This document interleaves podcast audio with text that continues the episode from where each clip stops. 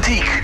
Hi, dit is Jamie Samuel. I love to run. The faster the better. Welkom bij All Sport Radio.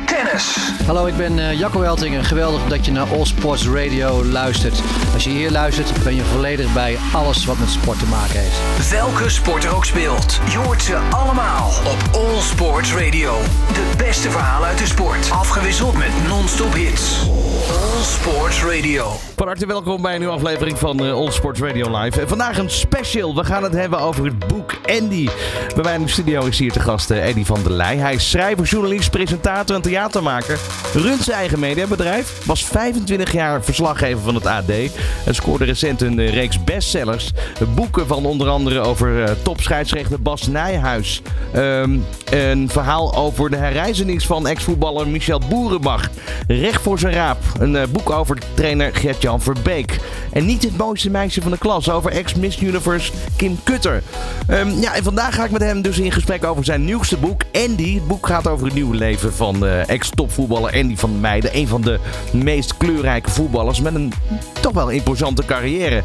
Uh, begonnen bij Ajax, Twente, Inter Milaan, Everton, PSV, ga zo maar even door. En hij heeft een hoge groeifactor. Is daardoor uitgegroeid tot een heus A-merk en een succesvol mediaondernemer. De sportzender van Nederland. Dit is All Sports Radio.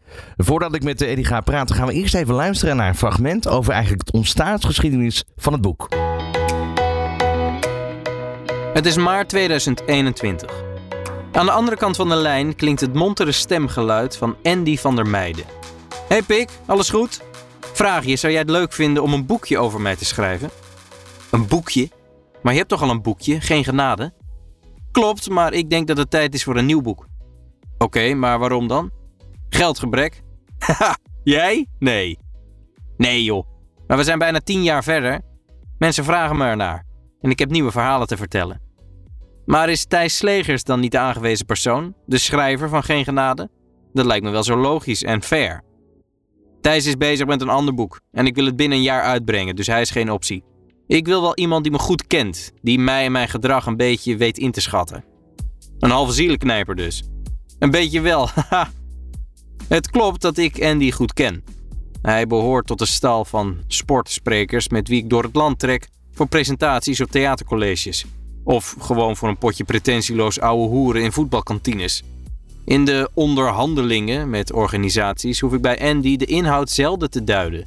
Wie voor hem kiest, kiest voor een onvervalste portie onderbroekenlol met ordinaire onder- en boventoon. Maar ook opdrachtgevers die opteren voor de afdeling levensverhalen en levenslessen worden op hun wenken bediend.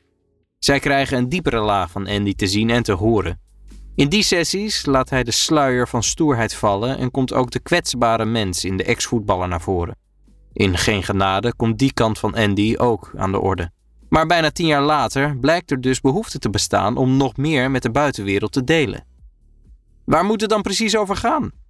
Grotendeels over mijn nieuwe leven over de afgelopen tien jaar. Kan ik me iets bij voorstellen? Je bent een A-merk geworden, een succesvol mediaondernemer. Maar ook over vroeger. Ook over vroeger. Maar in geen genade schets je volgens mij een tamelijk compleet beeld van je jeugd, je voetballoopbaan en al je schelmenstreken die je hebt uitgehaald. Of heb je dingen verzwegen? Dat niet. Zeker niet bewust. Ik ben heel blij met Geen Genade. Het is een mooi boek, zonder meer. Maar er zijn ook anekdotes uit die tijd niet verteld. Als ik later met vrienden sprak en ik hoorde andere verhalen waar ik een rol in had, dacht ik: verrek, dat is waar ook. Was ik ze helemaal vergeten. Dus je wilt een combinatie van toen en nu? Eigenlijk wel. Natuurlijk moet het vooral over mijn leven sinds 2012 gaan. Ik bedoel, vooral dat is nieuw voor de mensen. Nou ja, nieuw. Mensen hebben je via YouTube, Instagram en tv op de voet kunnen volgen. Klopt, maar dan nog weten ze lang niet alles over me. Over de dingen die achter de schermen gebeuren, over mijn vreemde gewoontes, mijn autistische trekjes. Al ben ik in vergelijking met tien jaar geleden ook wel veranderd. Gelukkig wel zeg. Aan de andere kant, je kunt Andy wel uit Malburger West halen, maar Malburger West niet uit Andy. Ja, en daar was dan in één keer het boek. Andy, Andy van der Leij, van harte welkom in ja, de studio. Dankjewel. dankjewel. Uh, ja, je hebt een boek geschreven. Um, dus eigenlijk na dit verhaal zijn ze bij jou terechtgekomen. Ja, dit wat ik daar schrijf, hè, wat je nu net hoorde, dat is de legitimatie voor het schrijven van het boek. Want ik, ik dacht ook in het begin van, ja, je hebt al een boek, hè? En eh, waar wil je het dan nog over hebben? Nou, dat werd net uiteengezet. Hè? Dat is het eerste hoofdstuk, het begin van het verhaal, van het boek. En eh, ja, toen zijn we aan de slag gegaan en eh, ja, nu ligt hij er. Meest Brand kleurrijke new. voetballers van Nederland. Eén van de meest kleurrijke. Mag je wel zeggen. En dagelijks op tv. voorheen natuurlijk als koning Toto. En nu als, let op, Ik heb een transfertje gemaakt. De Bad City. Bad City is het online bettingplatform voor de slimme sportfans. Zodat jij kan inzetten met inzicht. Kennis is koning. Ja, dat, dat zijn kenmerkende eh, dingen van Andy van der Meijden anno nu. Dus eh, dat is eigenlijk iets waar we straks uitgebreid natuurlijk over gaan hebben. Maar je hebt dus eigenlijk teruggeblikt op de afgelopen tien jaar, begrijp ik. Vooral, hè, want eh, wat ik al zeg, eh, Geen Genade, het vorige boek, dat schetst het, het, het, het leven van daarvoor. En dat was nogal een eh, tumultueus leven van Andy met alles, met seks, drugs, rock and roll en nog veel meer. En ik was natuurlijk benieuwd, en dat wilde hij zelf ook op papier gezet hebben, hoe hij nu in het leven staat. En ja, je laat net een fragmentje horen van, van Bad City. Hij is natuurlijk niet meer van de buis af te slaan, hè, of van, van de billboards. Je komt hem overal tegen. Er komt ook heel veel kritiek op, hè, want er wordt er gezegd van ja, je gokte zelf ook en je vader was gokverslaafd. Eh, hoe kun je dat eh, dan doen? Maar ja, goed, dan zegt Andy in het boek ook van ja, gokken is zo oud als de hoeren. Dat doet iedereen. En als ik niet, niet doe, dat doet een ander het wel.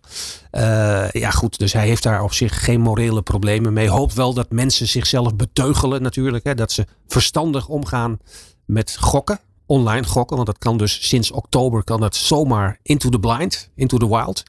Eh, dus iedereen kan, eh, kan daar een boel geld eh, verspelen en winnen. Maar goed, Andy heeft daar dus niet zo heel veel morele bezwaren tegen. Wij gaan het zo meteen uitgebreid over het boek hebben natuurlijk. Je bent begonnen eigenlijk met heel veel gesprekken te voeren. Ook met Andy daarbij, toch? Ja, ik, als je dan een boek van een andere signatuur maakt, hè, dan moet je ook kijken naar de, de, de, de vorm, de stijlvorm. En het eerste boek, dat was natuurlijk een tussen aanhalingstekens eh, ordinaire monoloog. Hè. Hij kan zijn verhaal doen zonder dat hij weerwoord krijgt. Het is Maar, zijn- maar, maar toch even voor iemand die het niet gevolgd heeft. Wat, wat, Ja. wat waren daar de hoogtepunten uit dat boek? Nee, wat ik net zeg, seks, drugs, rock and roll. een, een, een voetbalcarrière die die onlangs een ongelofelijke talent naar de kloten heeft geholpen.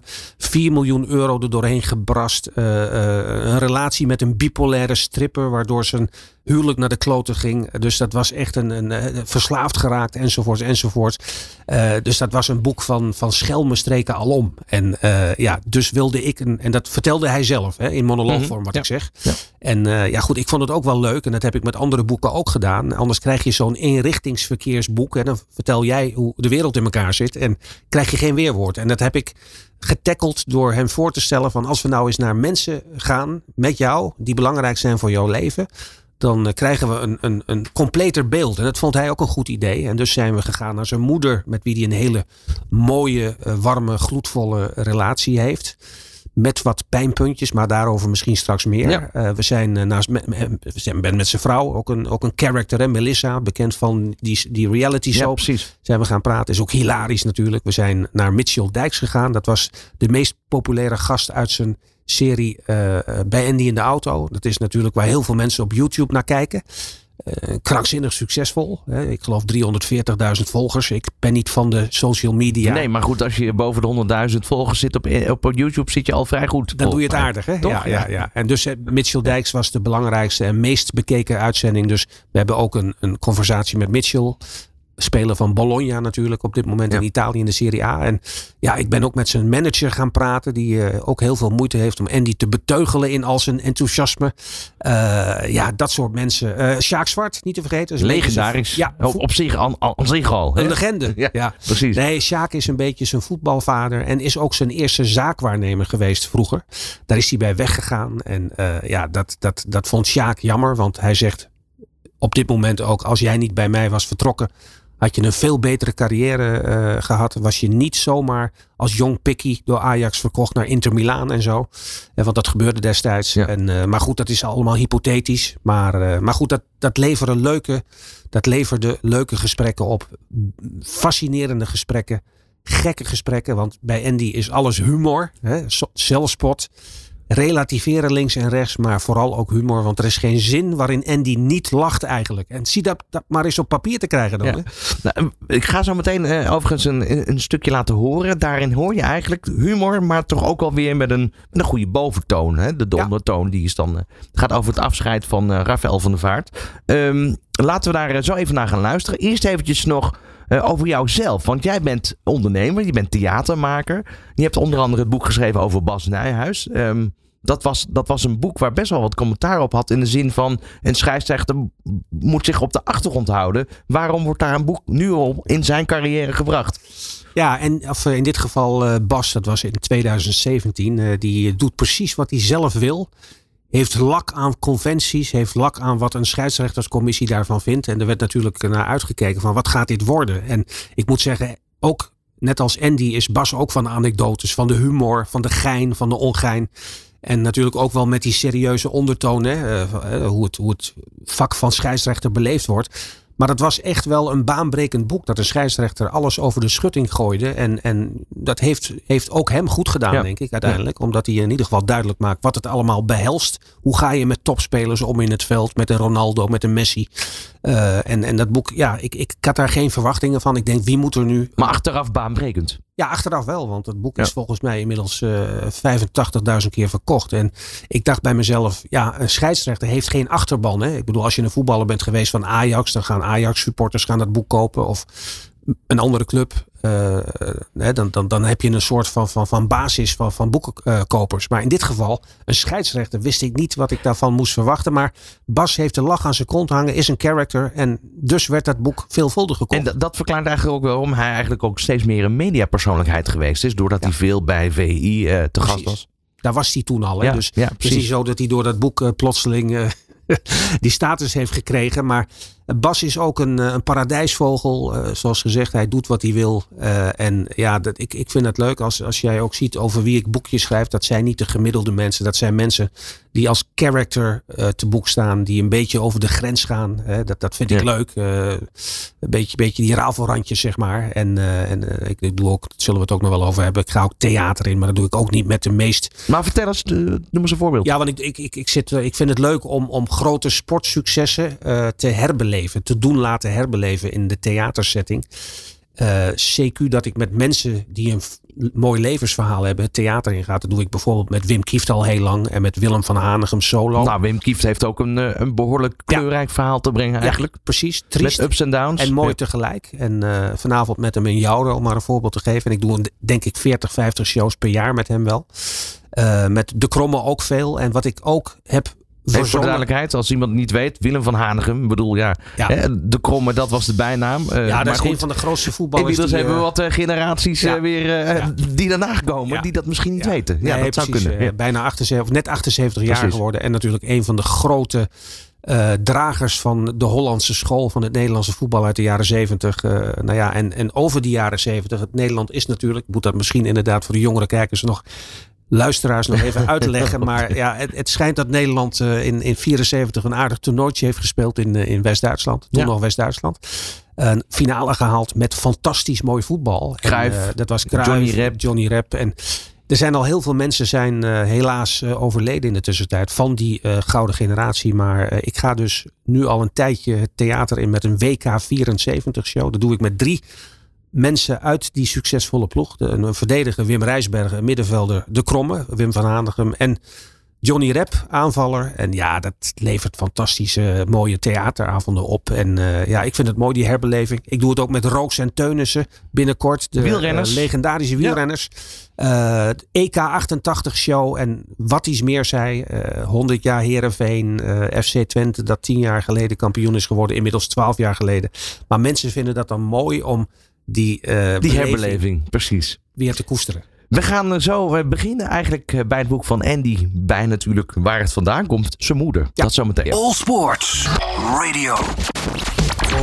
Vandaag in de studio de gasten Eddie van der Leij. En eh, met Eddie gaan we het hebben over het boek Andy. Ehm, ja, Andy van der Meijden. gewoon kleurrijk eh, voetballer eh, met een verleden. Nu inmiddels een mediapersoonlijkheid.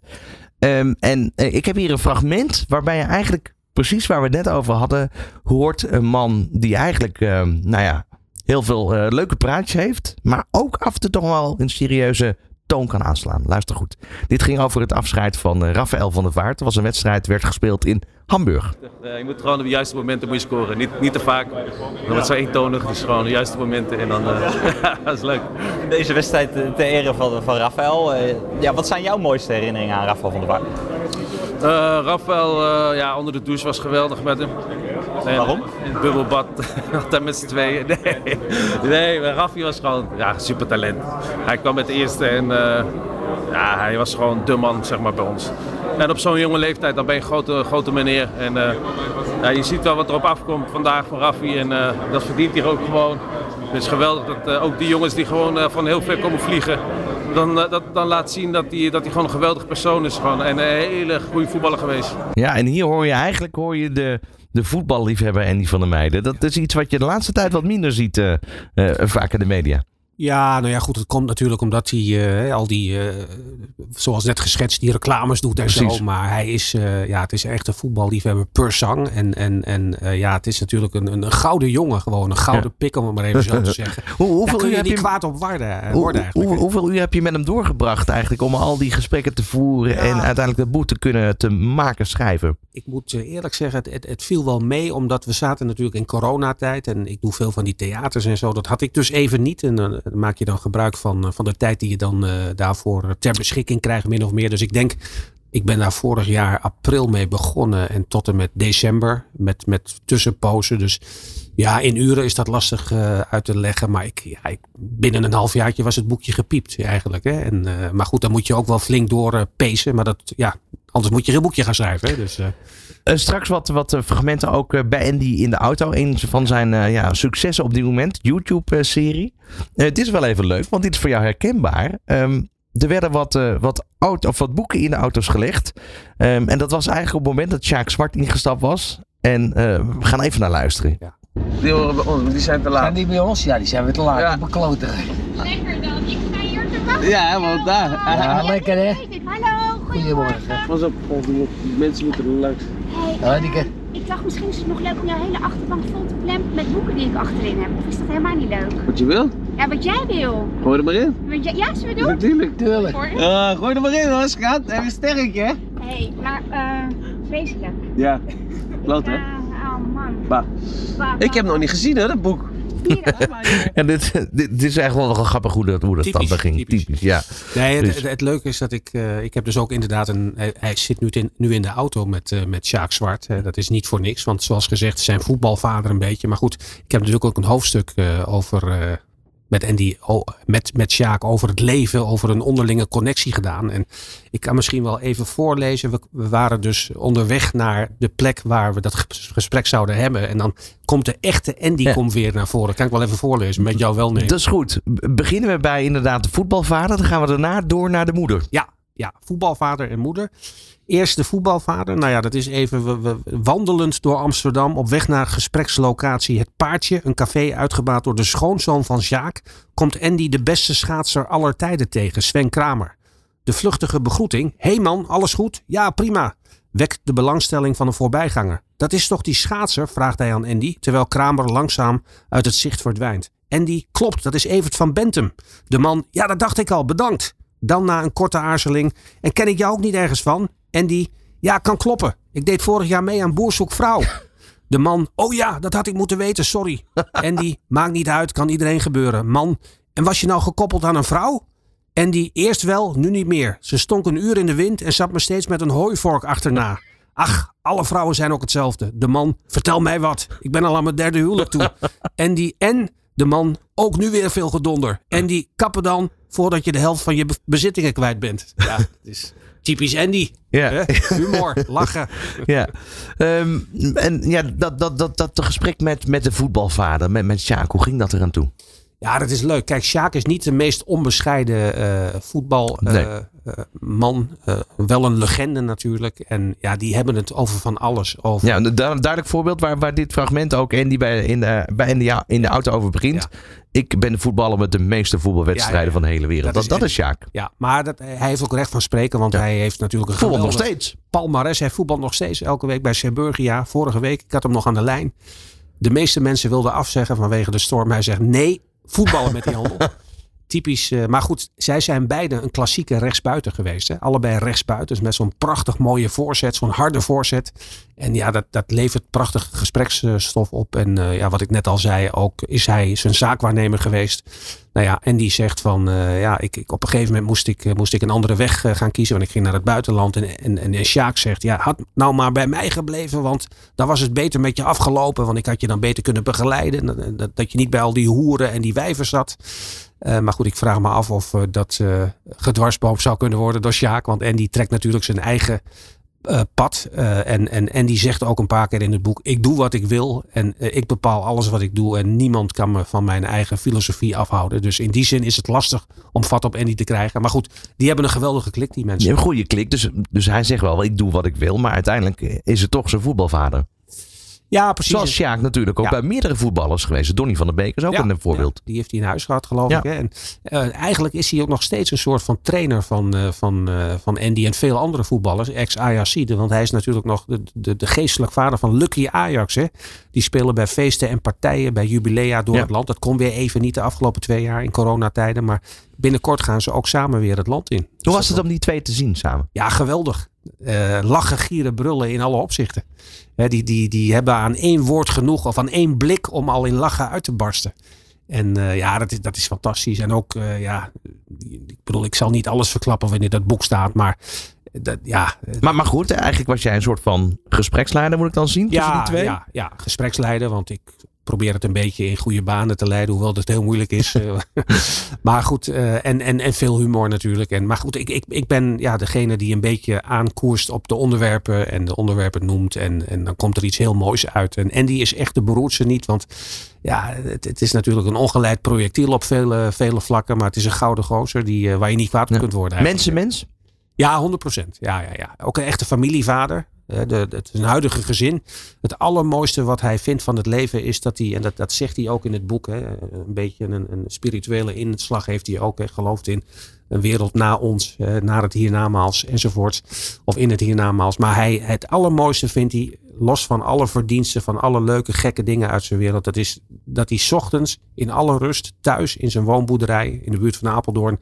Dat hij daar een kopje cappuccino of koffie drinkt met zijn vrouw en zijn kinderen in alle rust. Dat is het allermooiste, zegt hij. Dus dat is hè, de andere kant van de flamboyante levensgenieter. En ja, uh, ja dat. Uh, en daar gaan we het straks ook uitgebreid ja. nog even over hebben. Over hè, de, de familieman met Melissa, die we natuurlijk ook kennen van de reality Precies. soap die er ooit geweest is. Eh, zijn kinderen. dan zijn moeder, want daar heeft hij een hele bijzondere band mee. Ja, ja, die kunnen eigenlijk niet zonder elkaar. Maar er is één dingetje wat die twee uit elkaar kan drijven. En daar kan ik wel even iets over oplezen. En dan weten we gelijk wat dat dan is. Uh, in 2019 duikt vader Theo plots weer op in het leven van Andy. Ze starten een conversatie via de app en na verloop van tijd komt senior zelfs een paar keer bij zo'n lief over de vloer. Om ons nieuwe huis te bekijken en een beetje te ouwe hoeren. Eerlijk, zegt Andy, het was best gezellig. Voor Agnes gaat het zijn op rood. Ze verbreekt dan subiet het contact met Andy. Dat vond ik heel pijnlijk, maar dat kon niet anders, zegt ze. Andy, ik vond het ook ontzettend pijnlijk. Ik miste je enorm, maar het was jouw keus. Agnes, tuurlijk, het was moeilijk genoeg. En dan hoorde ik via via ook nog dat hij zo'n leuke, goede man werd genoemd. Nou, dat was en is voor mij helemaal onverteerbaar. Andy, hij heeft zijn leven tegenwoordig aardig op de rit. Hij werkt hard, heeft een mooi huis, al jaren dezelfde vrouw. Agnes, nee, nee, nee, ze zijn uit elkaar. Andy, zijn ze uit elkaar? Dat meen je niet. Agnes, ja, dat had Dini laatst. Dat is de zus van Andy en de dochter van, uh, van Agnes um, tijdens een sollicitatiegesprek ergens gehoord. Dat Andy niet op de hoogte is van de laatste roddels en feitjes zit zo. Het contact met zijn vader is inmiddels weer verwaterd. Andy, hij vroeg me om geld voor de borstverkleining van zijn vrouw. Nou ben ik sowieso geen voorstander van het laten verkleinen van borsten. maar ik had geen zin om daarvoor op te draaien. Dat moet niet de basis zijn van het, ons contact. Agnes, het was wachten tot het moment dat hij je om geld zou vragen. Zo is het altijd geweest en zo zal het altijd blijven, zegt moeders. Dat zegt heel veel over de, de relatie eigenlijk tot, ja. tot zijn vader. Pijnlijk hoofdstuk. Ja, mag je zeggen. Hij, uh, heeft, in het vorige boek is hij heel hard over zijn vader geweest. Uh, gokverslaving. Hij heeft uh, het gezin verlaten vroeg. Waardoor hij een beetje aan zijn lot werd overgelaten. Enzovoorts enzovoorts. En eh, hij moet wel zeggen dat in dit boek komt hij even terug op die harde toon. Hij zegt het was misschien iets te meedogenloos over mijn vader. Dus hij is er nu wat, wat milder over. En, eh, en, eh, want zijn vader die was altijd heel trots op het feit dat Andy zijn zoon was. En dat was, hij was een treinconducteur in die tijd dat het eerste boek uitkwam. En hij werd vervolgens werd hij door allerlei mensen, want die lazen dat boek, werd hij, werd hij zeg maar ja, afgemaakt en, af, en neergezabeld. Van wat ik over jou heb gelezen, hoe jij met je zoon bent omgegaan, schande. En dat vond hij heel Heftig, pijnlijk. ja. Ja, Dus wat dat betreft, de impact van eigenlijk de media heeft Andy nooit altijd echt doorgehad. Nee, of eigenlijk van de impact van zijn eigen woorden. Ja, precies. Maar uiteindelijk wel Ja. verspreid via de media. Of in dit via geval via het boek. En, eh, en de vader heeft dat eh, als, als heel pijnlijk opgevat. En ja, goed, eh, inmiddels, dat, dat las je, of dat hoorde je net, is, is het iets beter geworden. Hij, hij komt soms in, in het leven van, van Andy. Maar niet echt een, een, een diep geworteld contact is het dan. En, maar hij weigert hem ook niet. En als die dan in het leven komt van Andy, is zijn moeder weg. Want die kan daar niet mee leven. Tijdelijk dan. Dat is dan tijd. Dat hoopt die moeder maar steeds weer. Want eh, ja, anders ziet ze Andy niet meer. Ja. Zijn er nog huishoudster? Hè? Moeder en zus komen eh, eh, bij Andy over de vloer om het huis schoon te maken. En als zij vlak voordat ze moeten aantreden op vrijdag afbellen. Dan komt er een autistisch trekje in Andy naar voren. Daar kan hij niet tegen. Dan belt de, of dan app, appen ze af. Dan, ja, sorry, we zijn ziek. God gloeiende, dat kan toch niet waar zijn? Een schande, ik wil je nooit meer zien. Dat is dan zijn eerste reactie. Oké. En dan zeg ik tegen Andy van, eh, waar, waar komt dat dan vandaan? Ja, ik kan niet met die verandering omgaan. Ik wil ze graag in mijn leven hebben op dat moment. Ook al maken ze schoon, maar dan zitten ze wel op de bank ook. En ik kan niet tegen een verandering van een patroon wat ik in mijn hoofd heb. Dat heeft hij ook als hij een, een, een, een opname heeft van een, eh, van, van een filmpje of weet ik veel wat. En, eh, en dan wordt dat op het laatste nummertje afgezegd. Wordt hij helemaal gek. Dan scheldt hij iedereen verrot. En zijn moeder die heeft nu een alternatieve vorm gevonden. Als zij niet kan, dan appt ze niet meer rechtstreeks naar Andy. Om die scheldpartij te vermijden. Maar dan appt ze naar Melissa. En zegt Andy dan, dan krijgt Melissa op haar lazer. Dus ja, dat is zijn autistische denkpatroon. Ja. Maar daarbij zeg je wel, want iedereen heeft zijn nukken, laten we eerlijk wezen. ja. Eh, maar die, die band met zijn moeder, wat, wat is het kenmerk wat die band zo sterk maakt? dat heeft hem ook, eh, dat heeft ook te maken met het feit dat Andy op een gegeven moment, eh, dat het gezin door de vader is verlaten. Andy was een talentvolle voetballer, Vitesse vroeger. En toen hij naar Ajax kon, toen heeft zijn moeder, die, die, ja, die zat op afstand, die woonde in de buurt van Arnhem of in Arnhem zelf, Arnhem Zuid. En eh, die dacht van ja, hoe ga ik mijn zoon toch begeleiden? Hoe ga ik dat leven van mijn talentvolle zoon toch, toch opkleuren? Want inderdaad, gaan ze naar schoenen staan, dat valt niet mee. Ik bedoel, aan de ene kant denk je van, nou, we hopen dat het succesvol is. Ja. Maar je kind geeft wel heel veel andere activiteiten die klasgenoten wel hebben, uit handen. Ja, maar wel omdat hij talent heeft. En ja, maar goed, dan, dan nog hoor je heel veel ouders denken van, nou, dat zou een droom zijn. Ja. Maar de keerzijde is dat je dus heel veel moet laten in je jeugdjaren. En wat zij toen heeft gedaan, om op jouw vraag terug te komen, hè, wat hebben die die twee dan met elkaar? Zij heeft haar hele leven in dienst gesteld van haar zoon. Ja. Zij is verhuisd naar. Diemen, bij Amsterdam natuurlijk. En eh, zij heeft hem op alle mogelijke manieren heeft ze hem begeleid. Zozeer zelfs dat ze eh, de zorg voor haar twee dochters heeft verwaarloosd. En dat zegt ze ook. Ze zegt, als ik het over mocht doen in mijn leven, had ik liever drie jongens gehad. In plaats van twee dochters erbij met een zoon. Dus dat is heel gek. Dat zegt Andy, hoe kun je dat nou zeggen? Ja, ik heb gewoon niet zoveel met mijn dochters. Ja, dat is haar beleving. Nog steeds. Nog steeds. Dat is eigenlijk ongelooflijk. Ja, dat is ongelooflijk, vind ik ook.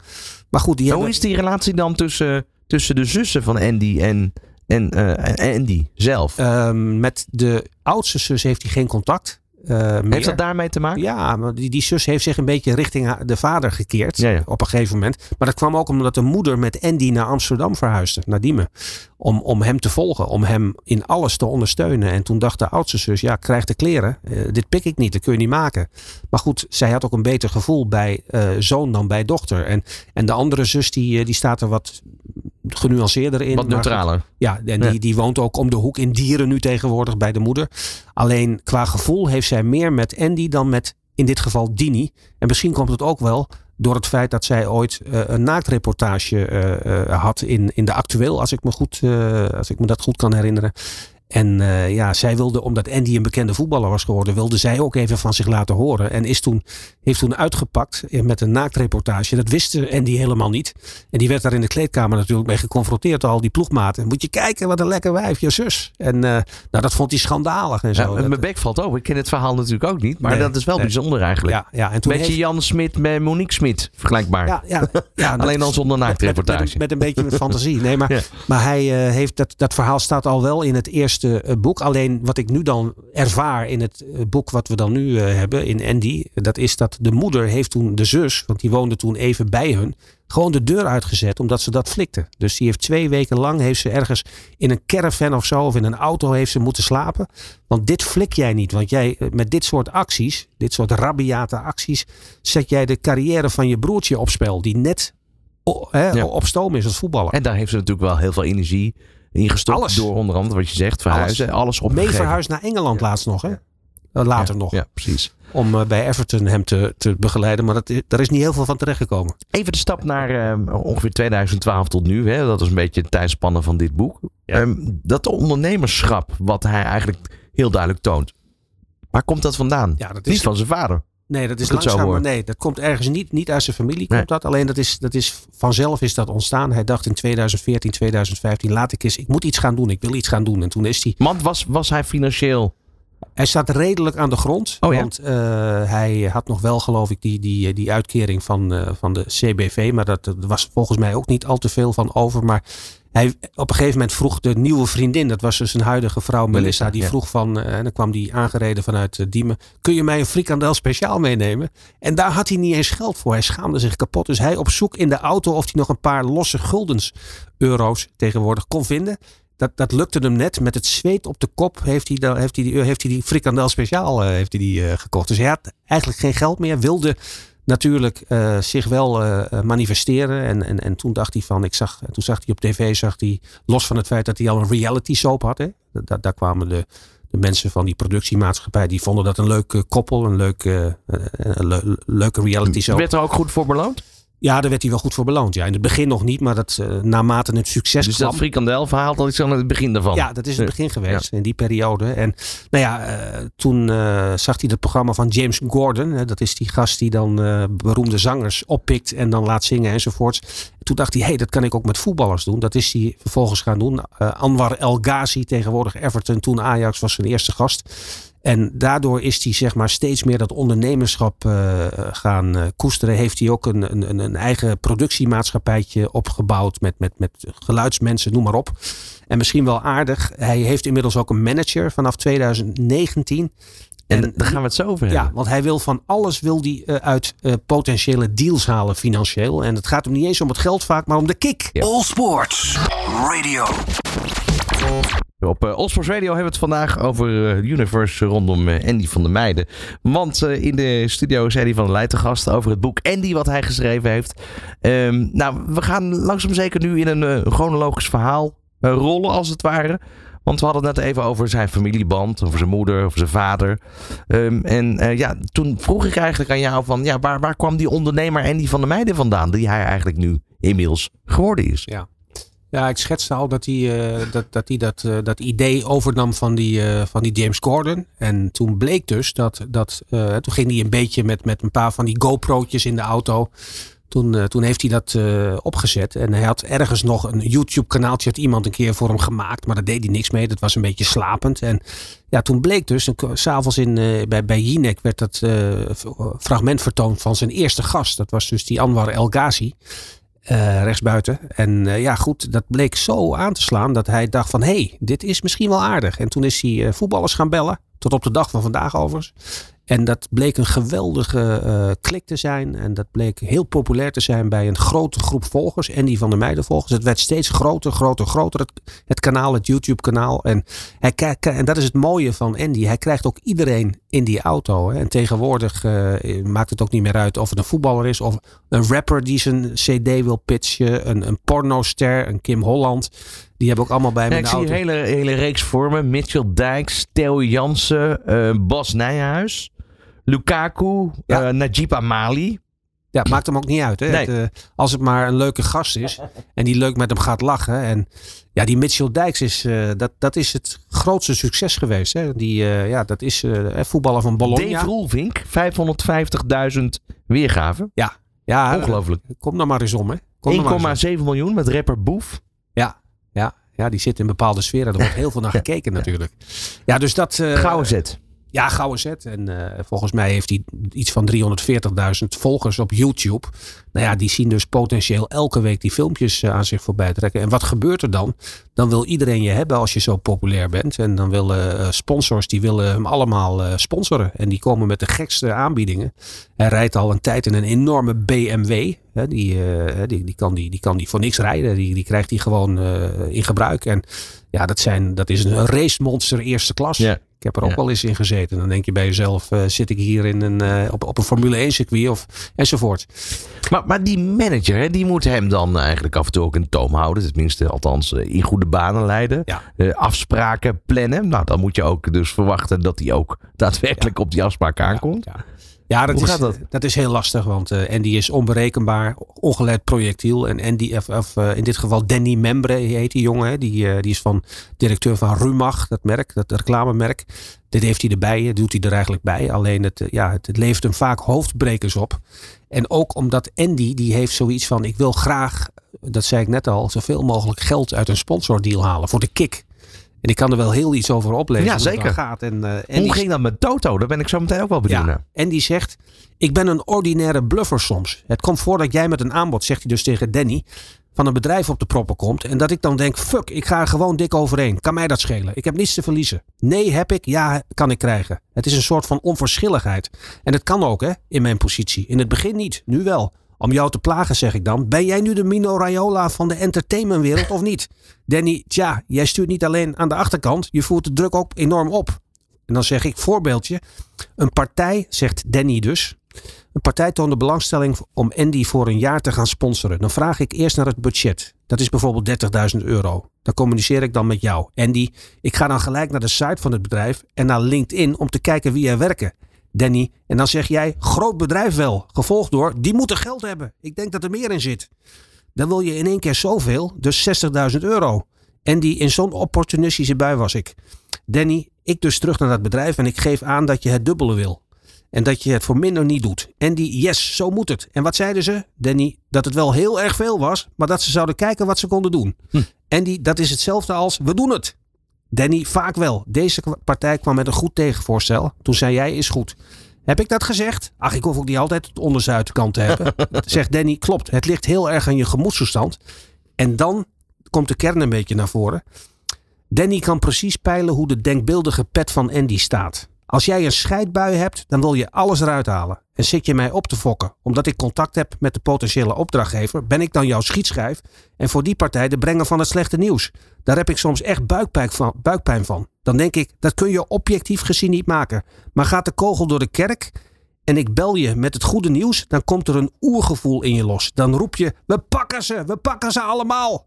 Alsof je de hele wereld hebt veroverd. En die, ja, zo voelt dat. Het is ontzettend ver, vet om te bereiken wat ik graag wil. Dan komt die adrenaline in mij los.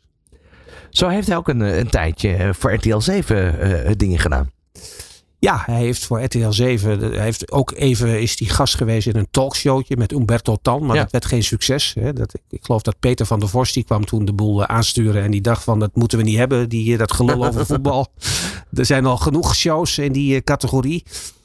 En hij heeft ook pas geleden, eh, dan had hij eh, Andy te, niet te vermijden, heet dat. Dat was ook een, weer een YouTube-vondst van hem. En eh, ja, goed, toen daar heeft hij dus mot gekregen met, eh, met RTL 7. Althans, met het productiebedrijf daarvan, geloof ik. RTL Videoland, ik weet niet hoe het allemaal heet. Maar staat allemaal uitgebreid in het boek. En toen heeft hij eigenlijk zijn hand overspeeld. Want hij wilde. eh, die, die mensen die vonden dat hij het niet goed genoeg had gemaakt, dat had aangeleverd. Hij wilde zelf wilde het in eigen beheer houden, maar dat was niet eh, naar de, de kwaliteiten van, in dit geval geloof ik, Videoland.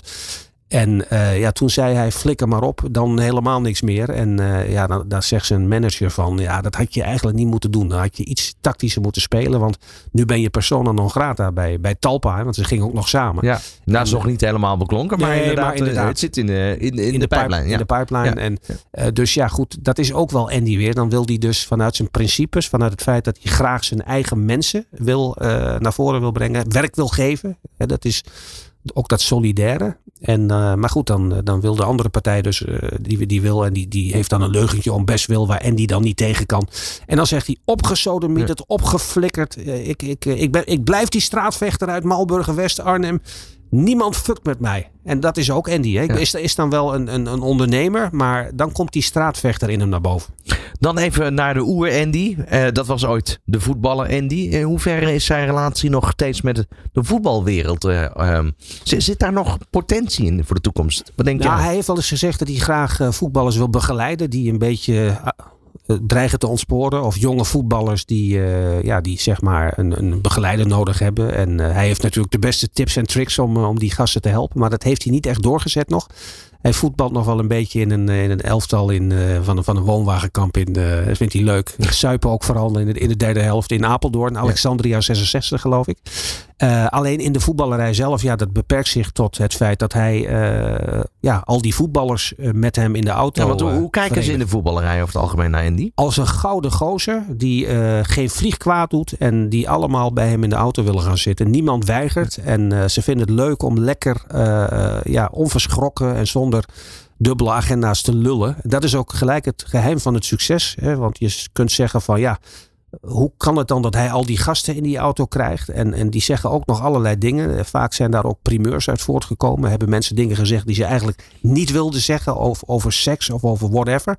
Of over transfers die aanstaande waren. Staat wel in het boek ook. En ja, dat is omdat Andy gewoon, eh, ja, dat is, dat is de, de gouden pik met wie je lekker kon lullen. En dan zeggen mensen meer dingen dan ze willen zeggen. En dat ze normaal tegen een serieuze journalist zouden hebben gezegd. En dat is het, eh, het succes. Het is altijd lachen, dat weet je. Dan een, dan een voorbeeld, eh, voordat we zo meteen eh, afsluiten met eigenlijk zijn familieband. Hè, met Melissa en met, eh, met, met zijn dochters.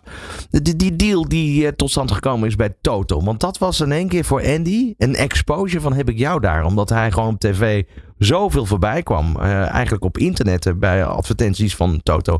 Dat moet niet anders dan een succesnummer geweest zijn. Nu inmiddels de overstap gemaakt naar Bad City. Maar hoe, hoe is dat tot stand gekomen? Ja, op een gegeven moment eh, had de manager zoiets. We willen een keer een stunt uithalen. Want hij zat al lang bij. eh, hij was koning Toto geweest en zo. Daar zat hij al lange tijd eh, zat hij daar. En toen dacht hij, ja, we, we kunnen een transfer maken. Want die gokmarkt die ging dus open afgelopen, wat was het, oktober. Ja. En toen, ja, toen kwamen ook die partijen naar hun toe. Hè? Want Andy is natuurlijk een, een, een prachtig uithangbord voor die gasten. Voor Want die, Koning Toto is een jaar of drie geleden, schat ik zo in. ja, iets korter geloof Ja. ik. De, de Snijder is het vervolgens geworden. nu is het volgens mij zelfs advocaat. advocaat Ja. ja. Eh, in, in die periode zat hij er ook. Hij deed nog altijd dingen voor Toto. Alleen, ja, toen dacht die manager, dacht, ja, we moeten een, een, een transfertje maken, hè, zoals Andy dat zegt. En eh, ja, dat hebben ze gedaan. En eh, met, dat is goed geld mee gemoeid natuurlijk. Dat zou je niet verbazen. Want zoals gezegd, Andy is overal zichtbaar op alle billboards. En je, hij valt niet te missen op tv, op spotjes commerciële stations, gewoon de, de NPO 1 van deze wereld. Je ziet hem overal. En eh, ja, dat, dat, eh, dat hebben ze doorgezet. Dat hebben ze gerealiseerd. En ja, Andy eh, is, is niet meer weg te slaan. En, Nee, maar, maar eigenlijk de, de deal met Toto, want dat, was eigenlijk waar ik op doelde. Dat heeft hem toch tot een aanmerk gemaakt ook Zeker, uiteindelijk. ja. Onder meer, hè. Onder meer. Ja. Ik bedoel, je wordt een aanmerk omdat je veel wordt bekeken. Omdat mensen je waarderen. Dat mensen denken dat je, dat je een goed verhaal hebt. En dat is dus ontstaan door al die YouTube eh, Ja. van hem. En dat heeft zich doorgezet in al die eh, sponsorcontracten. En, en zo is hij uiteindelijk bij Bad City terechtgekomen. Hoe is de vader Andy van der Meijden? En de, Eh, de, de, de, de- eigenlijk de man. Ja, hij is een hele lieve vader, is hij. Eh, wat ik zo zie, want ik ben natuurlijk regelmatig eh, bij hem geweest eh, in, in zijn prachtige woonboerderij in Beemte Broekland. Hè. Dat is een klein dorpje bij Teugen, vliegveld Teugen, bij Apeldoorn. En ehm, ja, goed, hartstikke leuk. Hij is nog degene die thuis de, de touwtje, aan de touwtjes trekt. Hè, die de kinderen zeg maar scherp houdt en naar bed stuurt. In tegenstelling tot Melissa, zijn wederhelft. Want die is veel makkelijker. Die denkt, ja, die kinderen komen er wel uiteindelijk. Maakt niet uit hoe, linksom of rechtsom. Ehm, dus Andy is, eh, wat dat betreft, is, die, eh, is, is, het een, is het een lieve vader. Maar ja, de open zenuw in zijn leven is natuurlijk dat hij drie kinderen op de wereld heeft gezet uit eerdere relaties. En eh, met zijn eerste vrouw twee kinderen, die wonen in Noord-Italië.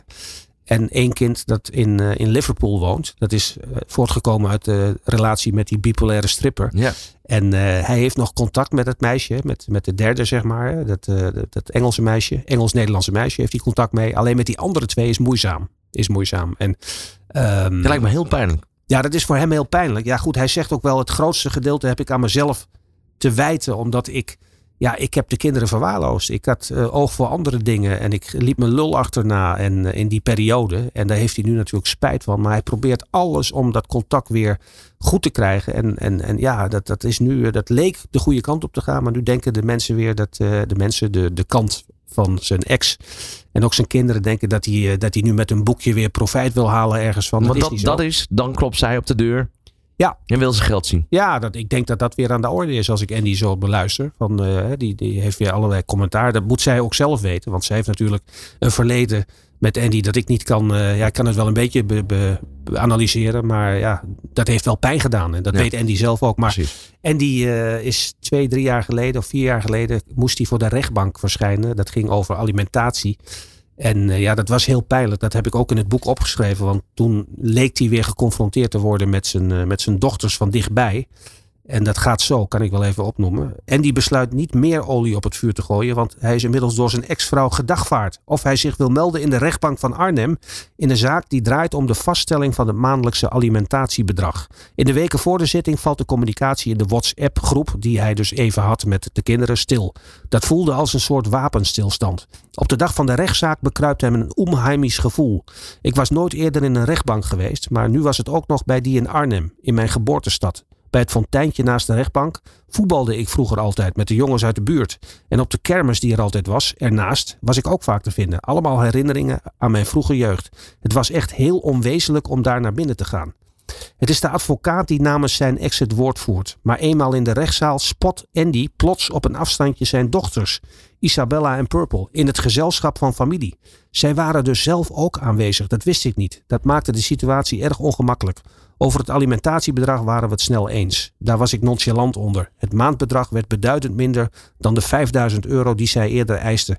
Dat hadden we beter onderling kunnen schikken. Maar goed, nu lag er in elk geval een bindend oordeel van de rechter. Dat was ergens wel goed. Tijdens de behandeling is Andy er met zijn hoofd niet helemaal bij. Hij pijnst en hij pijnst. Ik vroeg me af wat ik moest doen als ik naar buiten zou gaan. En ik mijn dochters zou passeren. Het liefst zou ik ze omhelzen. Maar kon dat wel? Kon ik ze aanspreken, ze kussen? Of zou het als intimiderend of provocerend worden gezien? Er was familie bij met wie ik niet zo goed kon opschieten. Misschien zou er bij een toenadering van mijn kant wel geschreeuwd worden: rot op of zoiets. Wist ik veel? Ik was bang voor een afwijzing na het gedoe van eerder dat jaar. Man, man, man, wat voelde ik me machteloos. Ik was radeloos, wist echt niet wat te doen. Want ook dat schuldgevoel zat en zit diep. Als het eenmaal zover is en Andy de rechtbank verlaat, besluit hij de weg van de minste weerstand te kiezen. Ik trilde van de zenuwen, maar wilde geen heisa. In mijn Arnhem, vlak bij de plek dus waar ik vroeger zoveel lol had gehad, passeerde ik mijn dochters op twee meter afstand, zonder iets te zeggen. Zonder die meiden aan te kijken. Het was het moeilijkste moment uit mijn leven. Alles in mij schreeuwde om toenadering. De meisjes tegen mijn borst drukken, ze knuffelen. Maar ik deed het niet om de lieve vrede te bewaren. Ik voelde me leeg, ik voelde me slecht, ik voelde me verdoofd. Dit was zwaar kut, maar het kon even niet anders. En die moet echt even bijkomen van die onwerkelijke ervaring. Ik was echt uit het veld geslagen. Ja, dat is natuurlijk heel begrijpelijk. Wat heftig. Ja, dit is, is vanuit zijn eh, beleving is dat heel heftig. En, en ja, hij noemt het al het zwaarste moment uit zijn leven. En het mooiste eh, scenario wat nu zou, eh, zich zou kunnen aandienen in zijn leven... is dat hij weer normaal met, zijn, met die dochters omgaat. Hè. Ja, want oud zijn de dochters nu? Die zijn volgens mij eh 17 en 19. Ja, dus in principe straks zijn ze vol, alle twee volwassen. Ja, ja. Dan zou dat weer moeten kunnen zonder dat daar de tussenkomst van moeder Ja. is. Dat is zijn grootste droom. Ja. Ja. En daarmee eh, eindigen we eigenlijk over het eh, gesprek van dit boek. Het boek is nu verkrijgbaar. Ja. Ligt in de winkels en het is ook op, eh, op eh, ja, eh, bol.com enzovoorts te bestellen. Hè? Ja. En wat, wat gaat je volgende avontuur worden, Andy? Of Andy, Eddie. Ja, ja, het is makkelijk. Die, die fout die, ma die maak je heel makkelijk. Ja, ik, ik ben alweer begonnen met een volgende boek. En ja, dat met alle respect voor de, voor de vorige boekjes. Maar dat wordt echt een, een hartverscheurend boek. Dat gaat over mijn vriend Peter Tegelaar. Die in 1993 in de woestijn is overleden van, van Zuid-Algerije. Samen met een andere vriend, Mark Gilsing. En die twee die hebben, terwijl ze wisten dat ze zouden gaan sterven op 24-jarige leeftijd, hebben ze grootmoedig en heldhaftig een, een dagboek achtergelaten in de woestijn. Dat hebben we gelukkig 3,5 maand met de lichamen aangetroffen. Zo. En ze vragen mij letterlijk in dat boek: schrijf dit op, maak hier een, eh, maak hier een boek van, breng dit aan de orde. En er zijn allerlei eh, overwegingen geweest om het eh, niet eerder te publiceren, maar 30 jaar na dat moment, na die fatale woestijnreis, ga ik dat allemaal onthullen. En welke impact eh, Peter Tegelaar, eh, flamboyante levensgenieter en levenskunstenaar, op mij heeft gehad. En op veel andere mensen. Dus dat, Dat- wordt ja. eh, volgend jaar mei. Nou, tegen die tijd zien we je graag weer terug. Ja. Dankjewel voor nu. Vanavond ga je het theater in met Wim Kieft. Ja, Wim Kieft in Jouren of all places. Dankjewel voor de komst naar de studio. Tot zover deze aflevering van Allsports Radio Live. Ja, de special over het boek Andy van Andy van der Meijden. En wil je hem terugluisteren, deze aflevering, kan dat natuurlijk via onze website allsportsradio.nl. Graag tot de volgende keer. All Sports Radio.